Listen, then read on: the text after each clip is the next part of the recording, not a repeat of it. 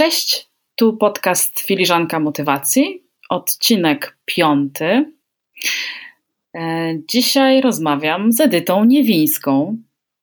Edyta o sobie pisze i mówi, że jest pisarką. Wiemy oczywiście, że jest pisarką, jest mentorką i to się robi bardzo ciekawie, ponieważ uczy kobiety, jak napisać wspaniałą książkę, uwaga, wspaniałą, dzięki której kobiety te mogą pokazać swój pisarski potencjał, swoje wartości i swoją osobowość. Cześć Edyta, fajnie, że dzisiaj ze mną rozmawiasz. E, cześć Gosiu, no, no, ja wiem, że ty też z pisaniem masz dużo wspólnego e, i piszesz i e, pamiętam fascynujące spotkanie z tobą na temat pisania terapeutycznego, więc zawsze uwielbiam z tobą rozmawiać, a w szczególności już o pisaniu. Cieszę się bardzo na, na, na to dzisiejsze spotkanie. Ja się niezmiernie cieszę. Um, Chciałam Ci zadać od razu to pytanie, takie, tak wiesz, tak na dzień dobry i z pełną mocą. Czy każdy może napisać książkę? No, to jest pytanie rzeczywiście y, takie proste z kopyta. Mm, wiesz co, ja się często nad tym zastanawiam. Y, zadziwiająco mało osób mi zadaje to pytanie, więc cieszę się, że, że miałaś y, odwagę zadać w imieniu tych wszystkich, którzy, którzy tego nie robią. Mm, wiesz co, ja mam przekonanie, że każdy z nas nosi w sobie historię. I teraz z pisaniem, e, historia jest niezbędna do napisania e, książki. E, czy to będzie długa książka, czy krótka, to już jakby zależy też od naszego warsztatu e, kreatywności i wielu innych rzeczy. Natomiast e, bez historii nie ma, nie ma książki, nie ma tekstu. Więc tutaj wszyscy jesteśmy tak samo wyposażeni. Tak samo jesteśmy wyposażeni w mm, wyobraźnię, w kreatywność. Fajną rzecz wyczytałam ostatnio w wywiadzie z Margaret Atwood. Ona powiedziała, że mm, kiedy jesteśmy dziećmi, kiedy byliśmy dziećmi, jak patrzymy na dzieci, to one wszystkie wszystkie mm, piszą, śpiewają i malują. I to są takie podstawowe mhm. umiejętności, z którymi my mhm. się rodzimy. E, I ona powiedziała, że mm, tutaj nie chodzi o pytanie, e, dlaczego, czy, czy, czy ktoś potrafi pisać, tylko dlaczego sobie odpuściliśmy. Hmm. Dokładnie tak to ujęła i, i to rzeczywiście, ja to poczułam mocno w sercu, bo to jest właśnie to, o czym też często mówię. Dlaczego sobie odpuszczamy jako dorośli? No często jest tak, że jesteśmy zniechęceni, wiesz, przez jakieś panie polonistki, którym się nie podobało, że nie pisaliśmy pod, pod linijkę. I później, e, no takie są rezultaty. Gdzieś tam jedna, druga krytyka takiego, wiesz, no, młodego jednak e, głosu serca e, i zostawiamy to. I zostaje nam w głowie tylko później, po tych dekadach, po latach wspomnienie, że nie potrafimy pisać albo robimy to źle. Więc to jest bardzo, bardzo częsty właśnie problem tej blokady z pisaniem. Natomiast z drugiej strony, mm, w zasadzie kompetencja opowiadania, bo to z, te, z tego w moich oczach, w moim mhm. doświadczeniu, z tej kompetencji opowiadania wynika kompetencja pisania. E, mamy ją wszyscy, więc co się dzieje właśnie po tych latach, e, to jest to, że no nie trenujemy, tak, nie ćwiczymy. E, nie każdy może mm, usiąść i tak napisać książkę, tak wiesz, z buta po prostu. Mm, książkę albo cokolwiek, nawet opowiadanie, jeżeli nie ćwiczy tej umiejętności, więc taka jest moja odpowiedź. I nie potrafię dać takiej odpowiedzi, choć bardzo bym chciała powiedzieć, tak, każdy może napisać książkę. Mm, nie, nie ma takich badań, nie ma takich statystyk, nie ma takich, wiesz, takich realiów, w których moglibyśmy to mm, potwierdzić bądź obalić. Więc to, to, to jest taka Mm, prawda, y, którą trudno albo udowodnić, albo jej zaprzeczyć. Natomiast uważam, że, że te kompetencje posiadamy wszyscy, natomiast z biegiem czasu y, różne rzeczy się z nimi dzieją i takie są rezultaty, że później wiele osób czuje, że po prostu nie potrafi nawet, y, wiesz, zdania poprawnie sklecić. Tak, tak też mhm. bywa. Mhm. To prawda, to prawda. Edyta, ale mm, bo mówisz o historii ale ty, znaczy, bo historie generalnie kojarzą nam się raczej, powiedzmy sobie, nie wiem, z opowiadaniami, powieściami, e, no może rzadziej z jakimś, z jakimś tekstem poetyckim albo tekstem dramatycznym do wystawienia na scenie, e, ale ty podczas swoich warsztatów, bo powiedzmy to głośno, Edyta prowadzi warsztaty, fantastyczne warsztaty pisania książki e, i fantastyczne mastermindy do tego. E, podczas tych warsztatów i mastermindów uczestniczki nie pracują tylko nad powieściami, kryminałami, tak, romansami, e, tylko też pracują nad swoją książką ekspercką. Tak, to prawda. Mhm. Mm, i to jest, wiesz, termin książka ekspercka jest bardzo, bardzo pojemny i on też tak naprawdę dopiero niedawno się pojawił w użyciu, bo mm, odróżnia pewien gatunek, no właśnie, też, też zawiera różne podgatunki. Więc mm, tak, no trzymam się tak ogólnie, wiesz, w komunikacie, żeby ludzie wiedzieli w ogóle, gdzie, która to jest droga, która to jest ścieżka tej książki eksperckiej, ale mm, mogę powiedzieć Ci, że najczęściej właśnie osoby, z którymi pracuję, to są najczęściej też kobiety, mm, przychodzą do mnie, bo chcą opowiedzieć historię związaną e, z pracą zawodową, czy z mhm. jakąś częścią właśnie takiego naszego życia mm, nieintymnego, ale właśnie w zupełnie inny sposób. I to są, um, i wychodzimy od założenia, że będzie to książka ekspercka, ale ona w pracy tak naprawdę rozwija się w coś bardzo osobistego i um, takiego wylewającego się poza te ramy. Ona tak naprawdę się rodzi, wiesz, i, i tworzy, kształtuje swoją własną formę. Natomiast to, co je spina najczęściej, to jest właśnie ta osobista historia osób, które y, piszą i bazują na swoich przeżyciach, doświadczeniach, czy to dotyczy pracy z klientami, czy to dotyczy jakiegoś obszaru y, właśnie ich rozwoju jako osoby, czy zdrowia, czy stylu życia, jaki zmieniły i wprowadziły i jak on wpływa na, na, na, na całe wiesz, funkcjonowanie tak naprawdę w życiu, w świecie i, i sama ze sobą. Mhm. Mm. Edyta, po, ponieważ jesteśmy, jakby nie było w filiżance motywacji, to tak z Twoich doświadczeń, obserwacji i wiedzy, um, co jest najlepszą motywacją do tego, żeby tę książkę napisać? To znaczy, żeby nie tylko myśleć o jej napisaniu, tylko żeby faktycznie usiąść i wklepać to, co mamy w głowie, albo w jakichś źródłach też, tak, bo, bo różne książki ludzie piszą i czasami robią różnego rodzaju zestawienia, podsumowania jako dodatkowo do historii, tak, jakaś potrzebna jest dodatkowa wiedza, nie wiem, badania, um, informacje. Um, co najlepiej motywuje do tego, żeby, żeby ten projekt książka przeprowadzić od początku do końca? Najlepiej motywuje, wiesz co, mm, to, że ludzie na nią czekają. Hmm. I to, to też jest właśnie taki element, nad którym y, bardzo mocno się pochylam w mojej pracy y, z piszącymi kobietami, bo one bardzo często przychodzą właśnie z tą historią, ale też z, z wieloma obawami przed wyjściem z tą historią do świata. Elementem pracy ze mną jest zawsze przeprowadzenie takiego testu czytelniczego, czyli znalezienie mm, no, minimum tych dwóch, nawet trzech czytelników, takich idealnych.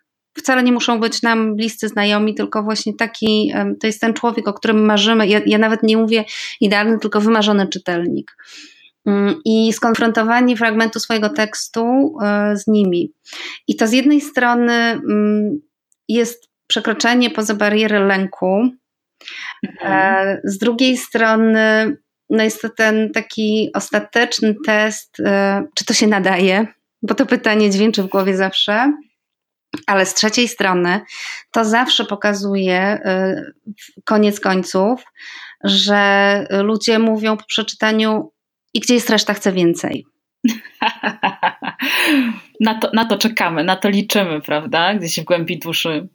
Wiesz co, nie wiem, czy, czy ja myślę, że nawet e, często sobie w ogóle tego nie uświadamiamy. Wiemy, mamy to gdzieś tak zakodowane mocno, no bo po to też pisa, piszemy. Mhm. Przede wszystkim po to piszemy, dla tych wszystkich ludzi, którzy tego potrzebują ale dopóki tego nie skonfrontujemy z człowiekiem, nie usłyszymy tego od kogoś, to jest ten pierwszy głos, wiesz, spoza własnej głowy, który mówi mhm. tak naprawdę tak, ja tu jestem, ja tego potrzebuję i ja na to czekam. Teraz już czekam. I ten, ten moment, on jest tak silny, ja widzę, co się dzieje, wiesz, po, te, po tym momencie. Ja widzę, jak się zmienia całe podejście do całej pracy nad książką. Ono nagle robi się po prostu poważne, konkretne i prawdziwe. I ta mhm. trochę taka zabawa w pisanie w tym momencie, po tej pierwszej konfrontacji, zamienia się w prawdziwe pisanie. No i tu już nie ma, wiesz, tu, tu już nie ma żartów, um, w, w, takim sensie, że to już nie jest, że a, może napiszę, a może nie napiszę, bo właśnie, bo jest ta motywacja, jest to paliwo. I myślę, że mm, to jest też taka fajna rada dla tych, którzy, mm, którym się szybko to paliwo kończy, żeby sobie znaleźli małą grupę tych, tych właśnie wymarzonych czytelników i regularnie im podsyłali jakiś kąsek, żeby dostawać to paliwo. To, to, jest, to jest dobra motywacja do działania. Ja nawet też trochę tak robię, bo też tego potrzebuję po prostu. Ja potrzebuję tej, tej świadomości, że ci ludzie czekają na moją książkę, kolejną książkę.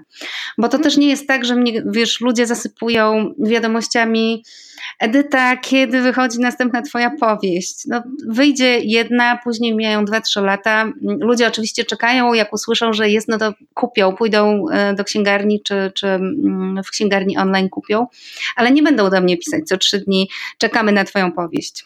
Więc też muszę sobie trochę to, tak wiesz, jak już jestem na etapie pisania, to właśnie, żeby utrzymać tę motywację, e, też to robię. Też to robię raz na jakiś czas. Zazwyczaj tak naprawdę na samym początku daję próbkę y, początku, tego początku, bo potrzebuję tej informacji zwrotnej, że to wszystko idzie we właściwym kierunku, że to, co ja sobie wymyśliłam, a ja to wymyślam przez dwa lata, teraz przełożyłam na papier, nie mam do tego dystansu, bo siedzę i piszę.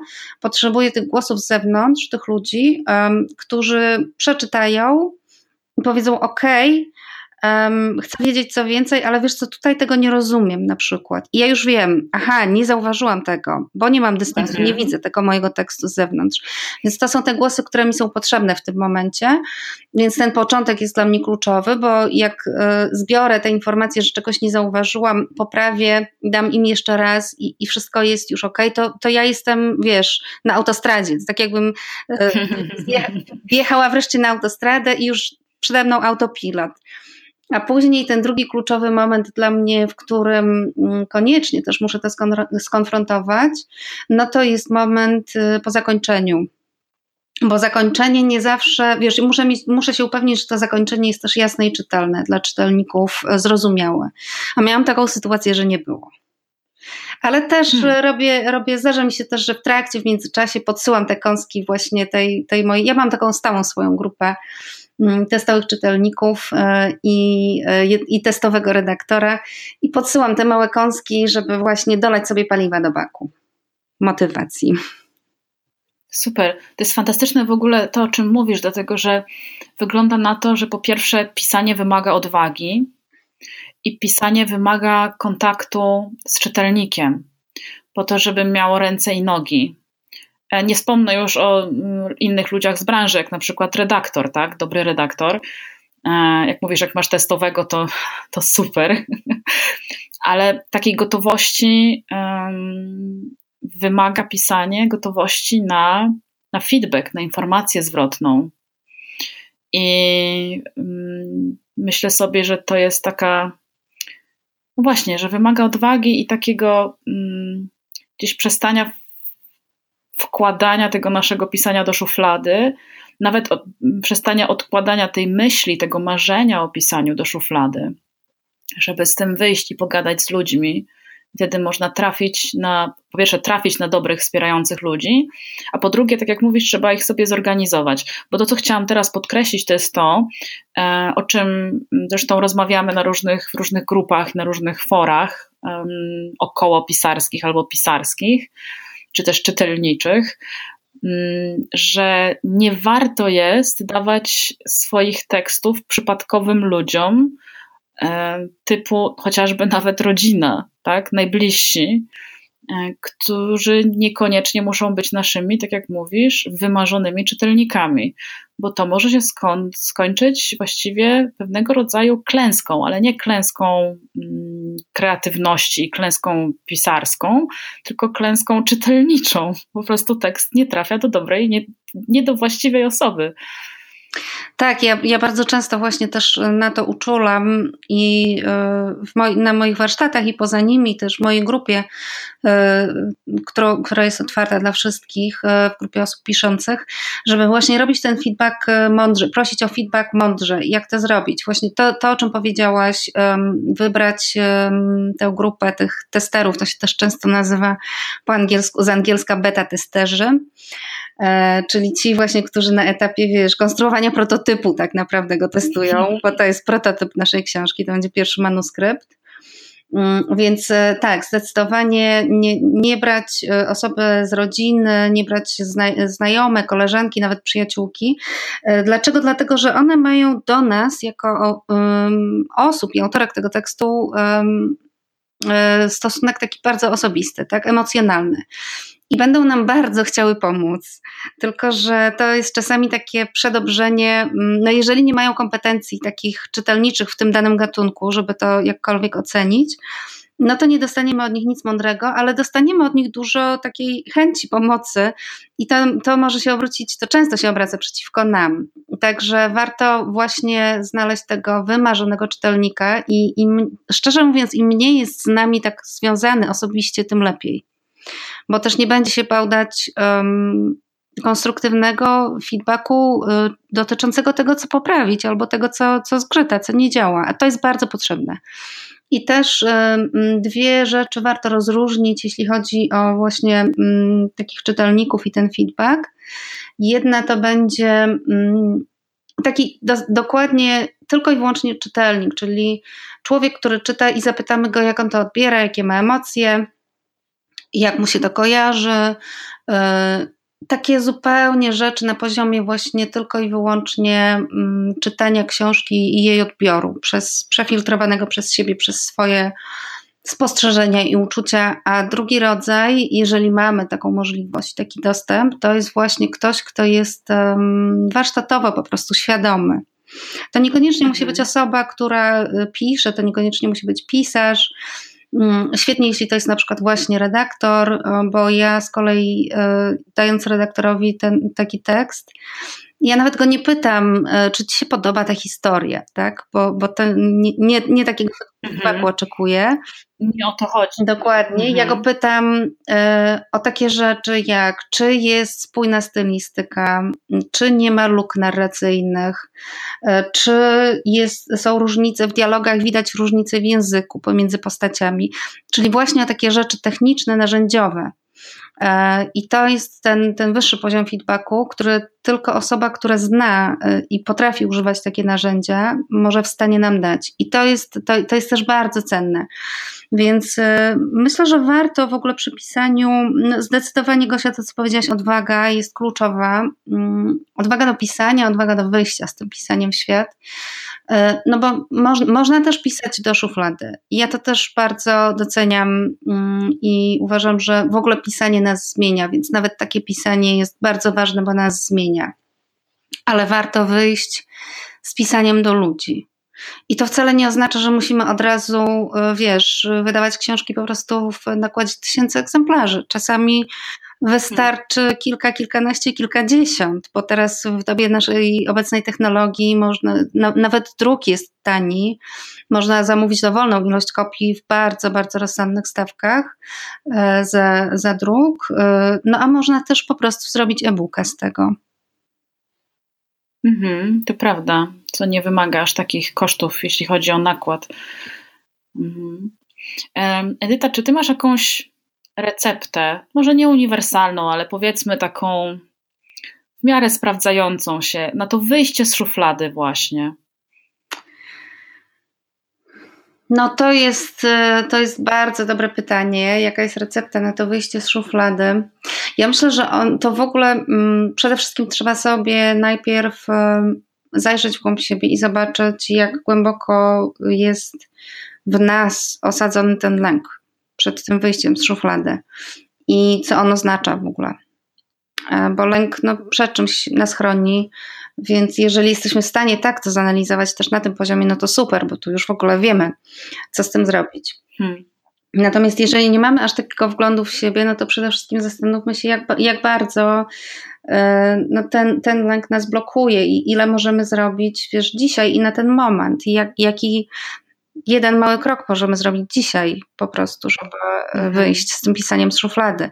Nie, nie mam, wiesz, myślę, że nie mam lepszej rady i że przede wszystkim po prostu trzeba to zrobić, no ale każdy to zrobi inaczej. Wiesz, są tacy, którzy mm, mhm. ze swojej natury po prostu skaczą, wiesz, na, na główkę, na głęboką wodę.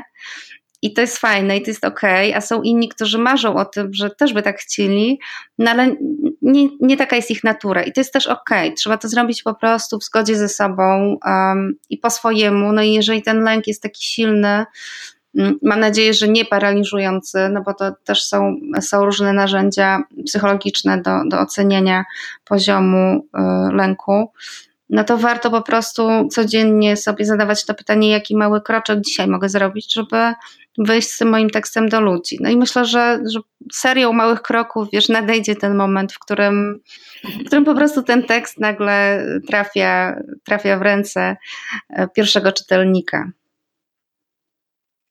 Seria małych kroków zawsze się sprawdza, tylko trzeba się, trzeba wierzyć w te małe kroki i trzeba je wykonywać przede wszystkim.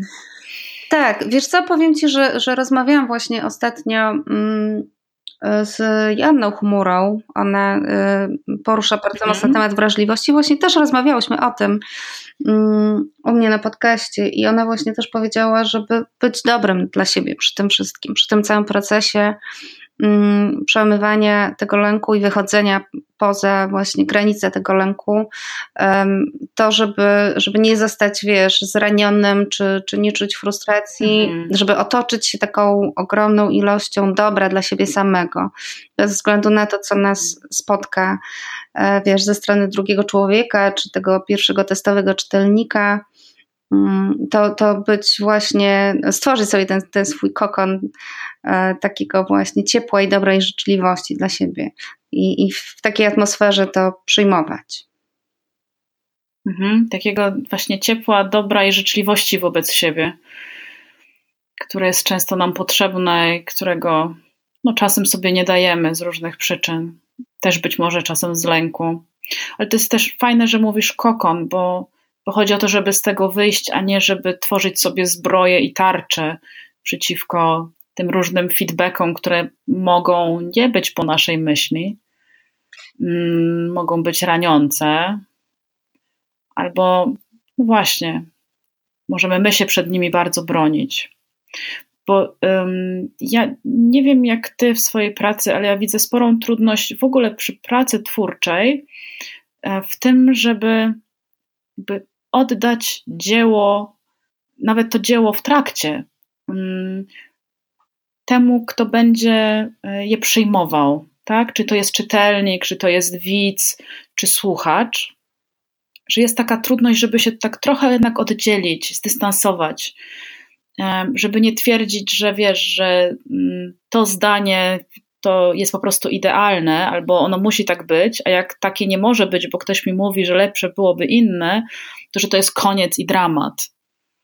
Żeby te emocje, które my mamy wobec, bo są naturalne, mm, wobec swoich różnych dzieł, produkcji, zwał jak zwał, żeby, żeby nie, nie robić tego tak, z jednej strony robić to bardzo na serio, to znaczy ze swojego serca, a z drugiej strony, żeby nie być na serio w związku z tym, że coś jest do poprawy, tak? że to w ogóle nie niszczy mojego obrazu siebie jako, jako twórcy, jako pisarki, jako eksperta?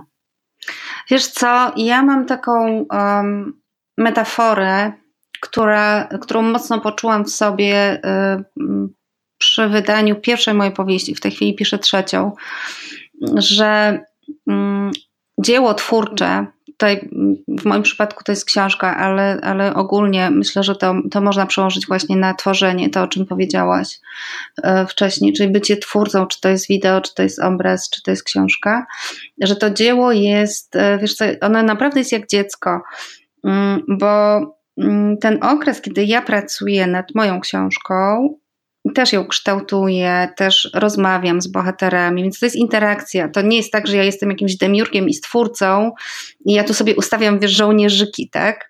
Mm, tak? Tak jak sobie tam wymyślę, bo ja naprawdę muszę słuchać moich bohaterów. Oni czasami, to co ja im wymyślałam, to w ogóle nie, nie jest y, to, jak oni opowiadają tę historię i muszę być tutaj, wiesz, czujna i, i z pokorą przyjąć ich e, punkt widzenia, bo to jest ich punkt widzenia.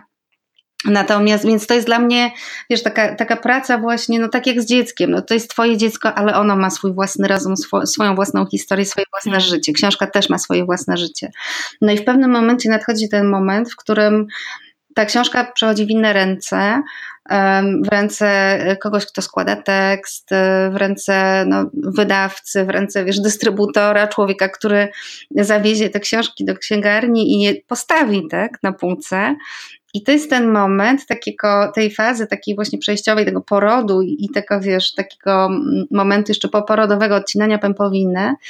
I w tym momencie, kiedy ta książka jest wydrukowana, jest na półce, to ja po prostu e, miałam bardzo silne poczucie, że ona już nie jest moja, że to jest jak to dziecko, które wyszło z gniazda.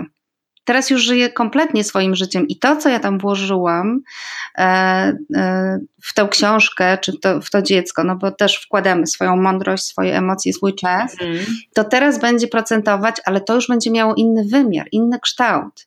To już będzie się formowało, wiesz, w innym świecie, e, to, to, dziecko też będzie miało teraz interakcje z innymi ludźmi, ono się będzie od nich uczyło, ono się będzie zmieniało przez te interakcje. Tak samo jest z książką. Ona e, też jest żywym tak naprawdę tworem.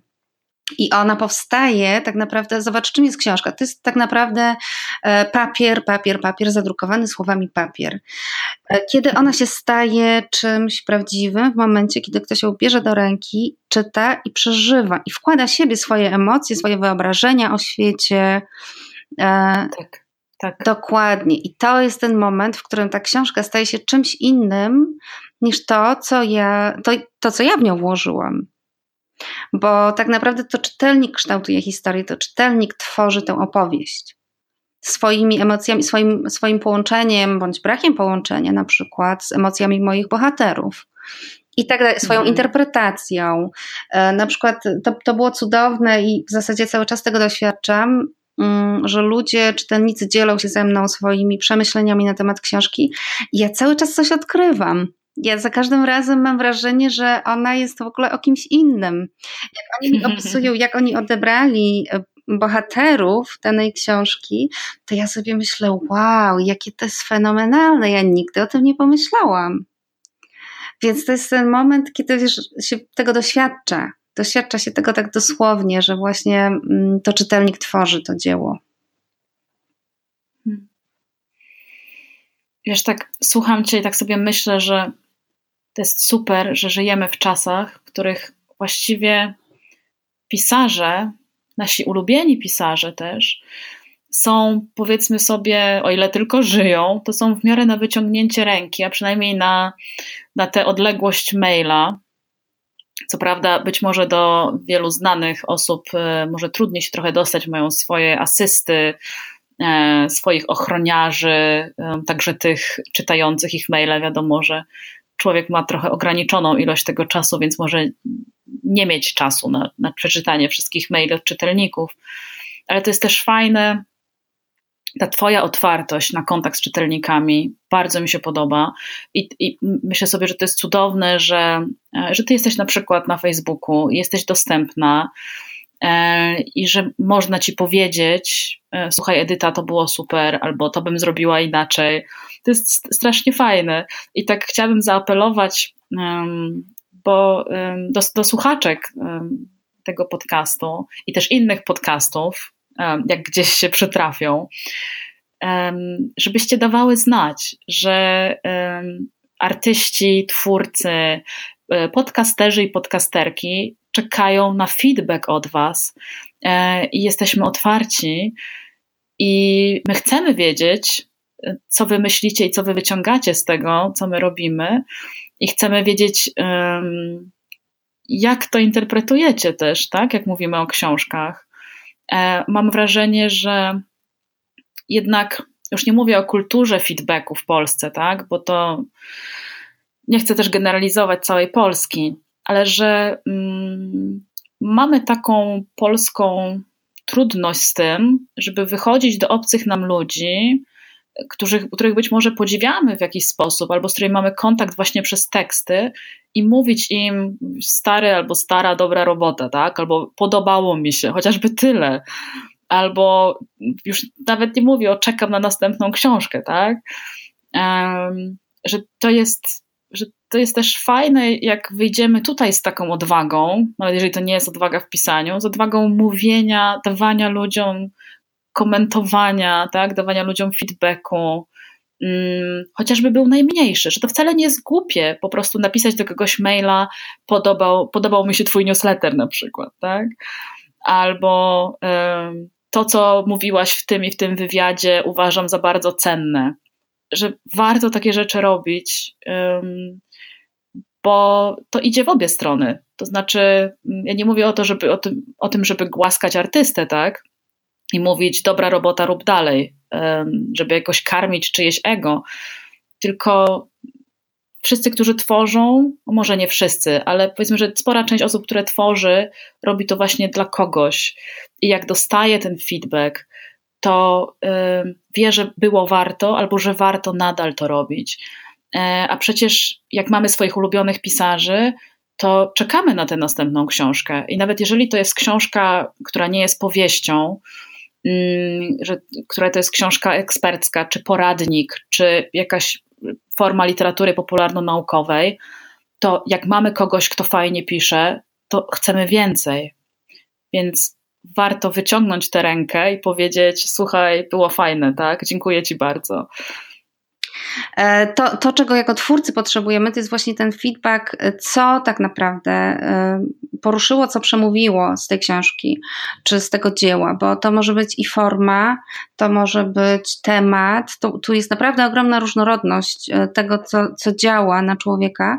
I dla nas jako twórców właśnie ta informacja zwrotna jest bezcenna co tak naprawdę zadziałało, bo my to układamy sobie, wiesz, to nie jest tak, że coś tworzymy i mówimy sobie, no to jakoś trafi do tych ludzi, no to nie ma jakość, tak naprawdę my wiemy e, co i jak ma trafić i to jest właśnie taki, to też jest taki test, wypuszczanie dzieła na świat e, zawsze jest testem, czy to, co ja sobie wymyśliłam, że zadziała w taki sposób, czy to w ogóle tak zadziała, czy inaczej, jak zadziała inaczej też jest fajnie, natomiast to też jest dla mnie cenna informacja zwrotna, że to y, działa mm, tak jak ja o tym myślałam, że powinno, no bo to jest cały czas, wiesz, praca tak naprawdę na żywej materii, mm, bo, bo mm, tutaj rezonują to, to już o czym mówiłam, emocje czytelnika, których ja nie jestem w stanie przewidzieć. Ja nie jestem w stanie w ogóle y, na etapie tworzenia, pisania książki um, wejść w, w, w tę interakcję. Ja sobie mogę tylko coś wyobrazić i dopiero później to się weryfikuje, więc to jest niezwykle cenna informacja, co zadziałało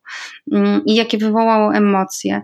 A, a propos, wiesz, tego właśnie, że ludzie, ludzie się odzywają też. Powiem Ci, że moja pierwsza powieść wyszła w 2012 roku.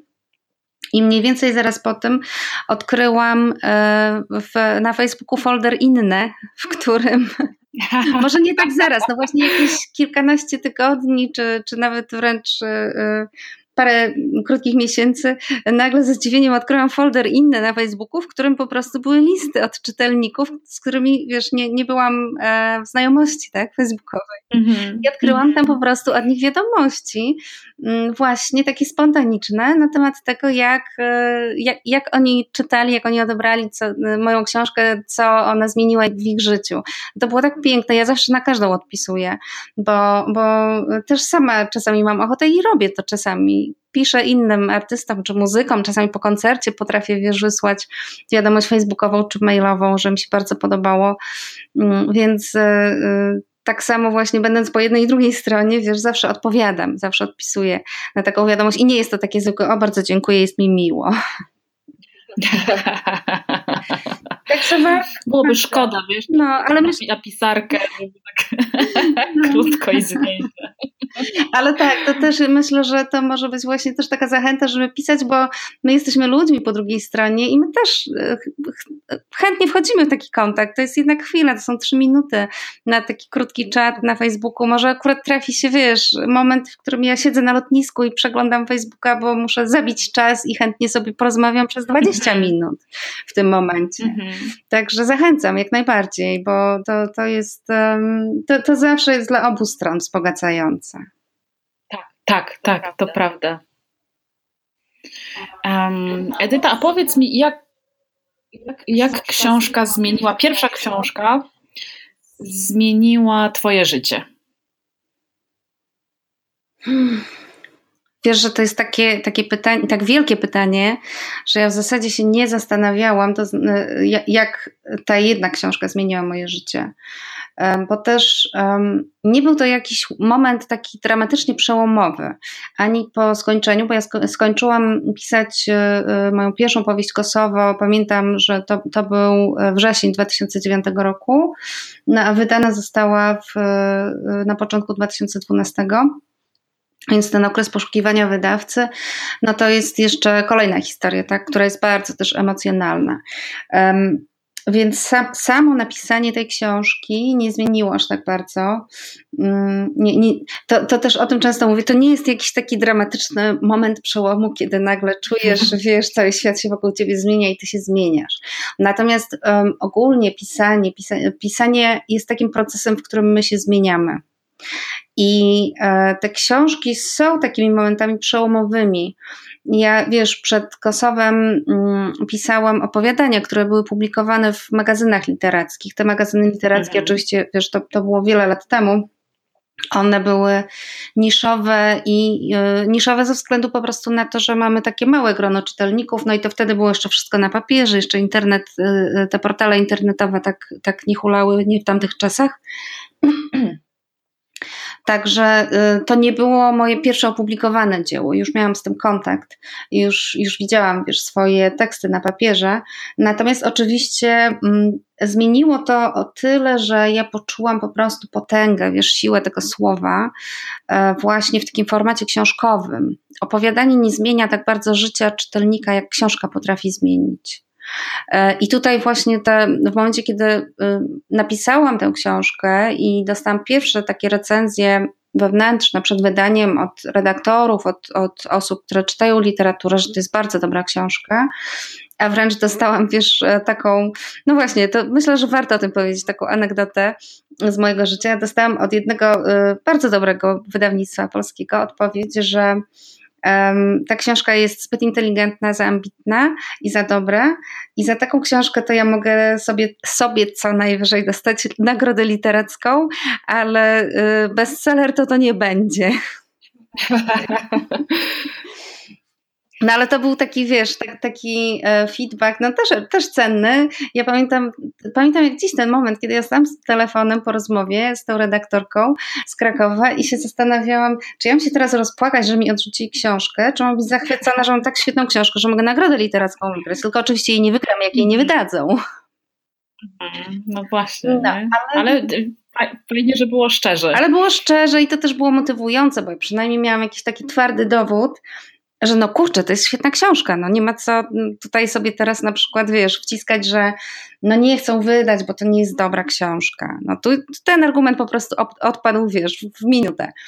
E, więc oczywiście e, później znalazłam wydawcę, e, też jakimś takim zabawnym zbiegiem okoliczności i odrobiną tu szczęścia, mm, ale przede wszystkim, wiesz, ten, ten moment właśnie pierwszy, że, że ja potrafię, jak skończyłam pisać książkę, to miałam poczucie, okej, okay, fajnie, to, to są te informacje właśnie zwrotne, takie twarde dane, tak, to jest dobra książka, czyli ja potrafię, więc e, to, to jest, wiesz, to, to jest ta największa tak naprawdę gratyfikacja e, tego wyjścia z szafy. Dostajesz tę informację. Mhm. Tak, robisz to dobrze.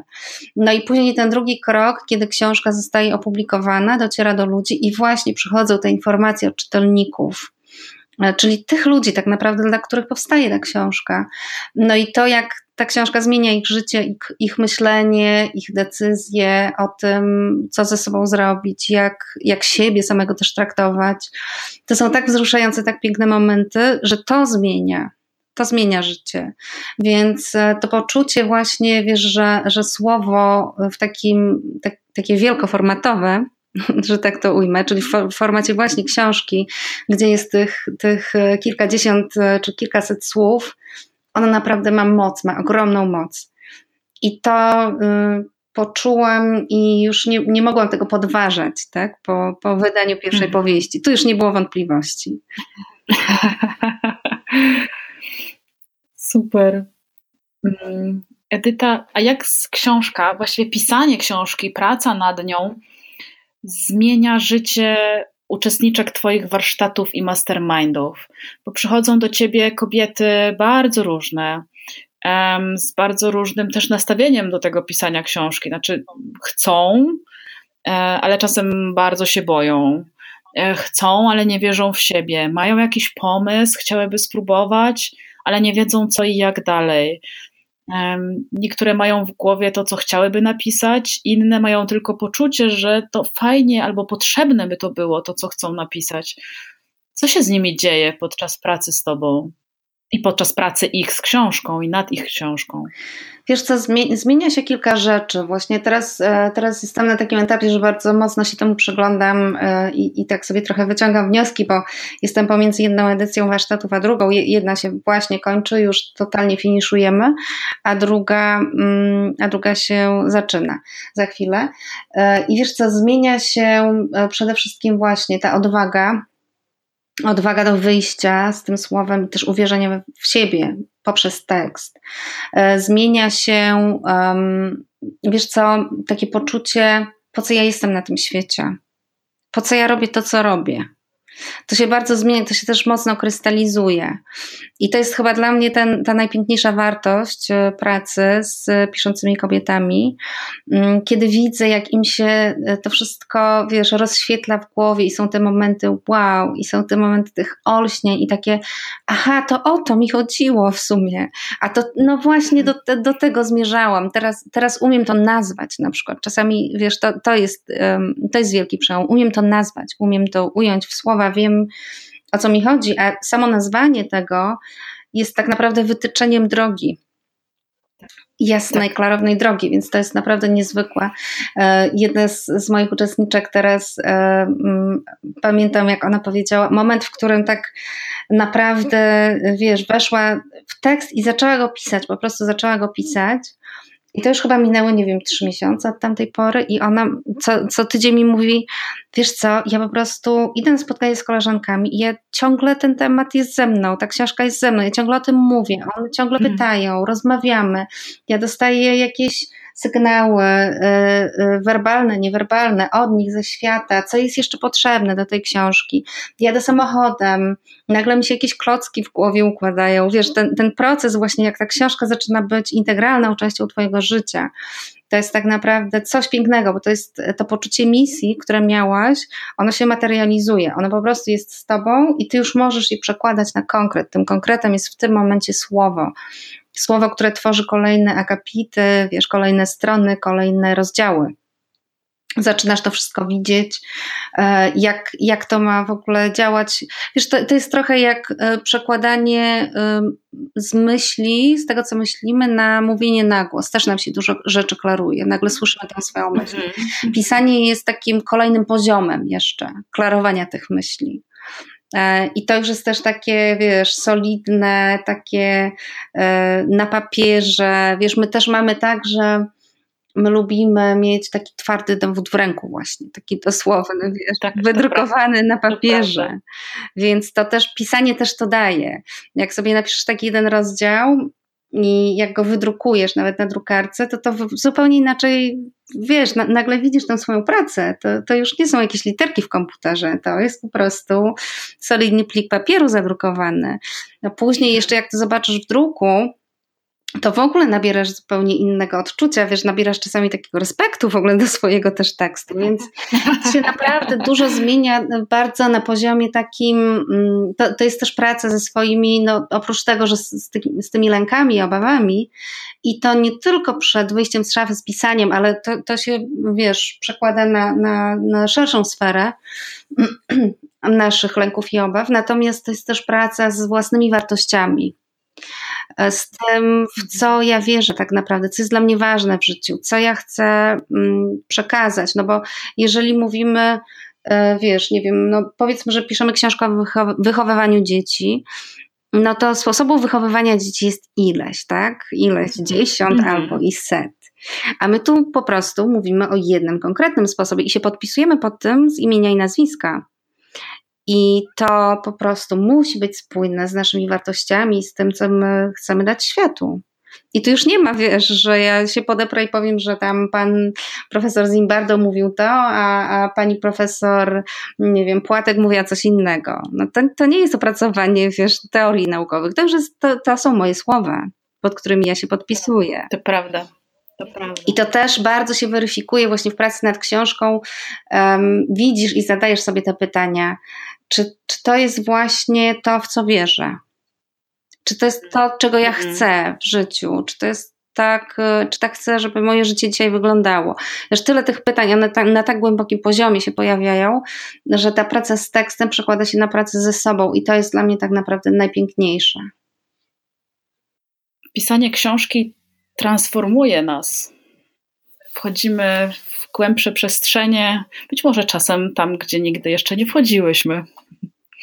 Myślę, że tak. Myślę, że tak i, i też to właśnie bardzo widzę. Um, czasami wiesz, takie dostaję tekst um, i robię do, do, niego komentarze i zadaję pytanie. Na przykład e, opisz to. Op, opisz, jak to wygląda, to, to o czym tutaj teraz piszesz. I czasami e, albo e, wiesz, zwykłe proste pytanie e, typu, mm, a co to znaczy? A czy możesz to rozwinąć, powoduje, że nagle w życiu się, mhm. się, wiesz, tylko i wyłącznie przy pracy z takim fragmentem niepozornego tekstu, nagle się rodzą wielkie życiowe pytania. To jest naprawdę, to, to jest dla mnie, wiesz, to, to jest dla mnie wielka magia. To jest dla mnie wielka magia i zawsze będzie. E, tyle razy tego doświadczam w pracy z klientkami i za każdym razem jestem po prostu, e, wiesz, zachwycona jak małe dziecko, e, które widzi, wiesz, spadające gwiazdy po prostu, deszcz spadających gwiazd. Zawsze mam, takie mam uczucie, wiesz. Trochę ciarki na plecach, z ekscytacji, no i to poczucie bycia właśnie tą, wiesz, obserwatorką, towarzyszką, inicjatorką też tego takiego wielkiego, mhm. przełomowego momentu e, w czyimś życiu. Mm, magia, piękne. Edyta, powiedz, gdzie cię można znaleźć? No mnie to można znaleźć w wielu miejscach. Bo w sumie, e, no, no w sumie tak jak ostatnio mm, e, robiłam porządki na stronie internetowej, to się okazało, że już tyle tego naprodukowałam, że tak powiem, różnych miejsc, w których można mnie znaleźć, spotkać ze mną być e, i współbyć, że mm, no tym, tym lepiej, tym lepiej, bo to jest właśnie fajne. To są, tak. wiesz, to jest ten świat, który daje nam um, możliwość, um, no i, i, ja z tego korzystam. Widzę po prostu jakby do, dopiero teraz w tej całej obfitości, że ja z niego korzystam. Przede wszystkim e, e, można mnie znaleźć w Andaluzji, no ale to trzeba jechać daleko i szukać, a to już nie jest takie łatwe. Um, natomiast jestem bardzo obecna i bardzo dostępna um, w po prostu naszej przestrzeni um, bez granic, czyli info, e, e, internetowej.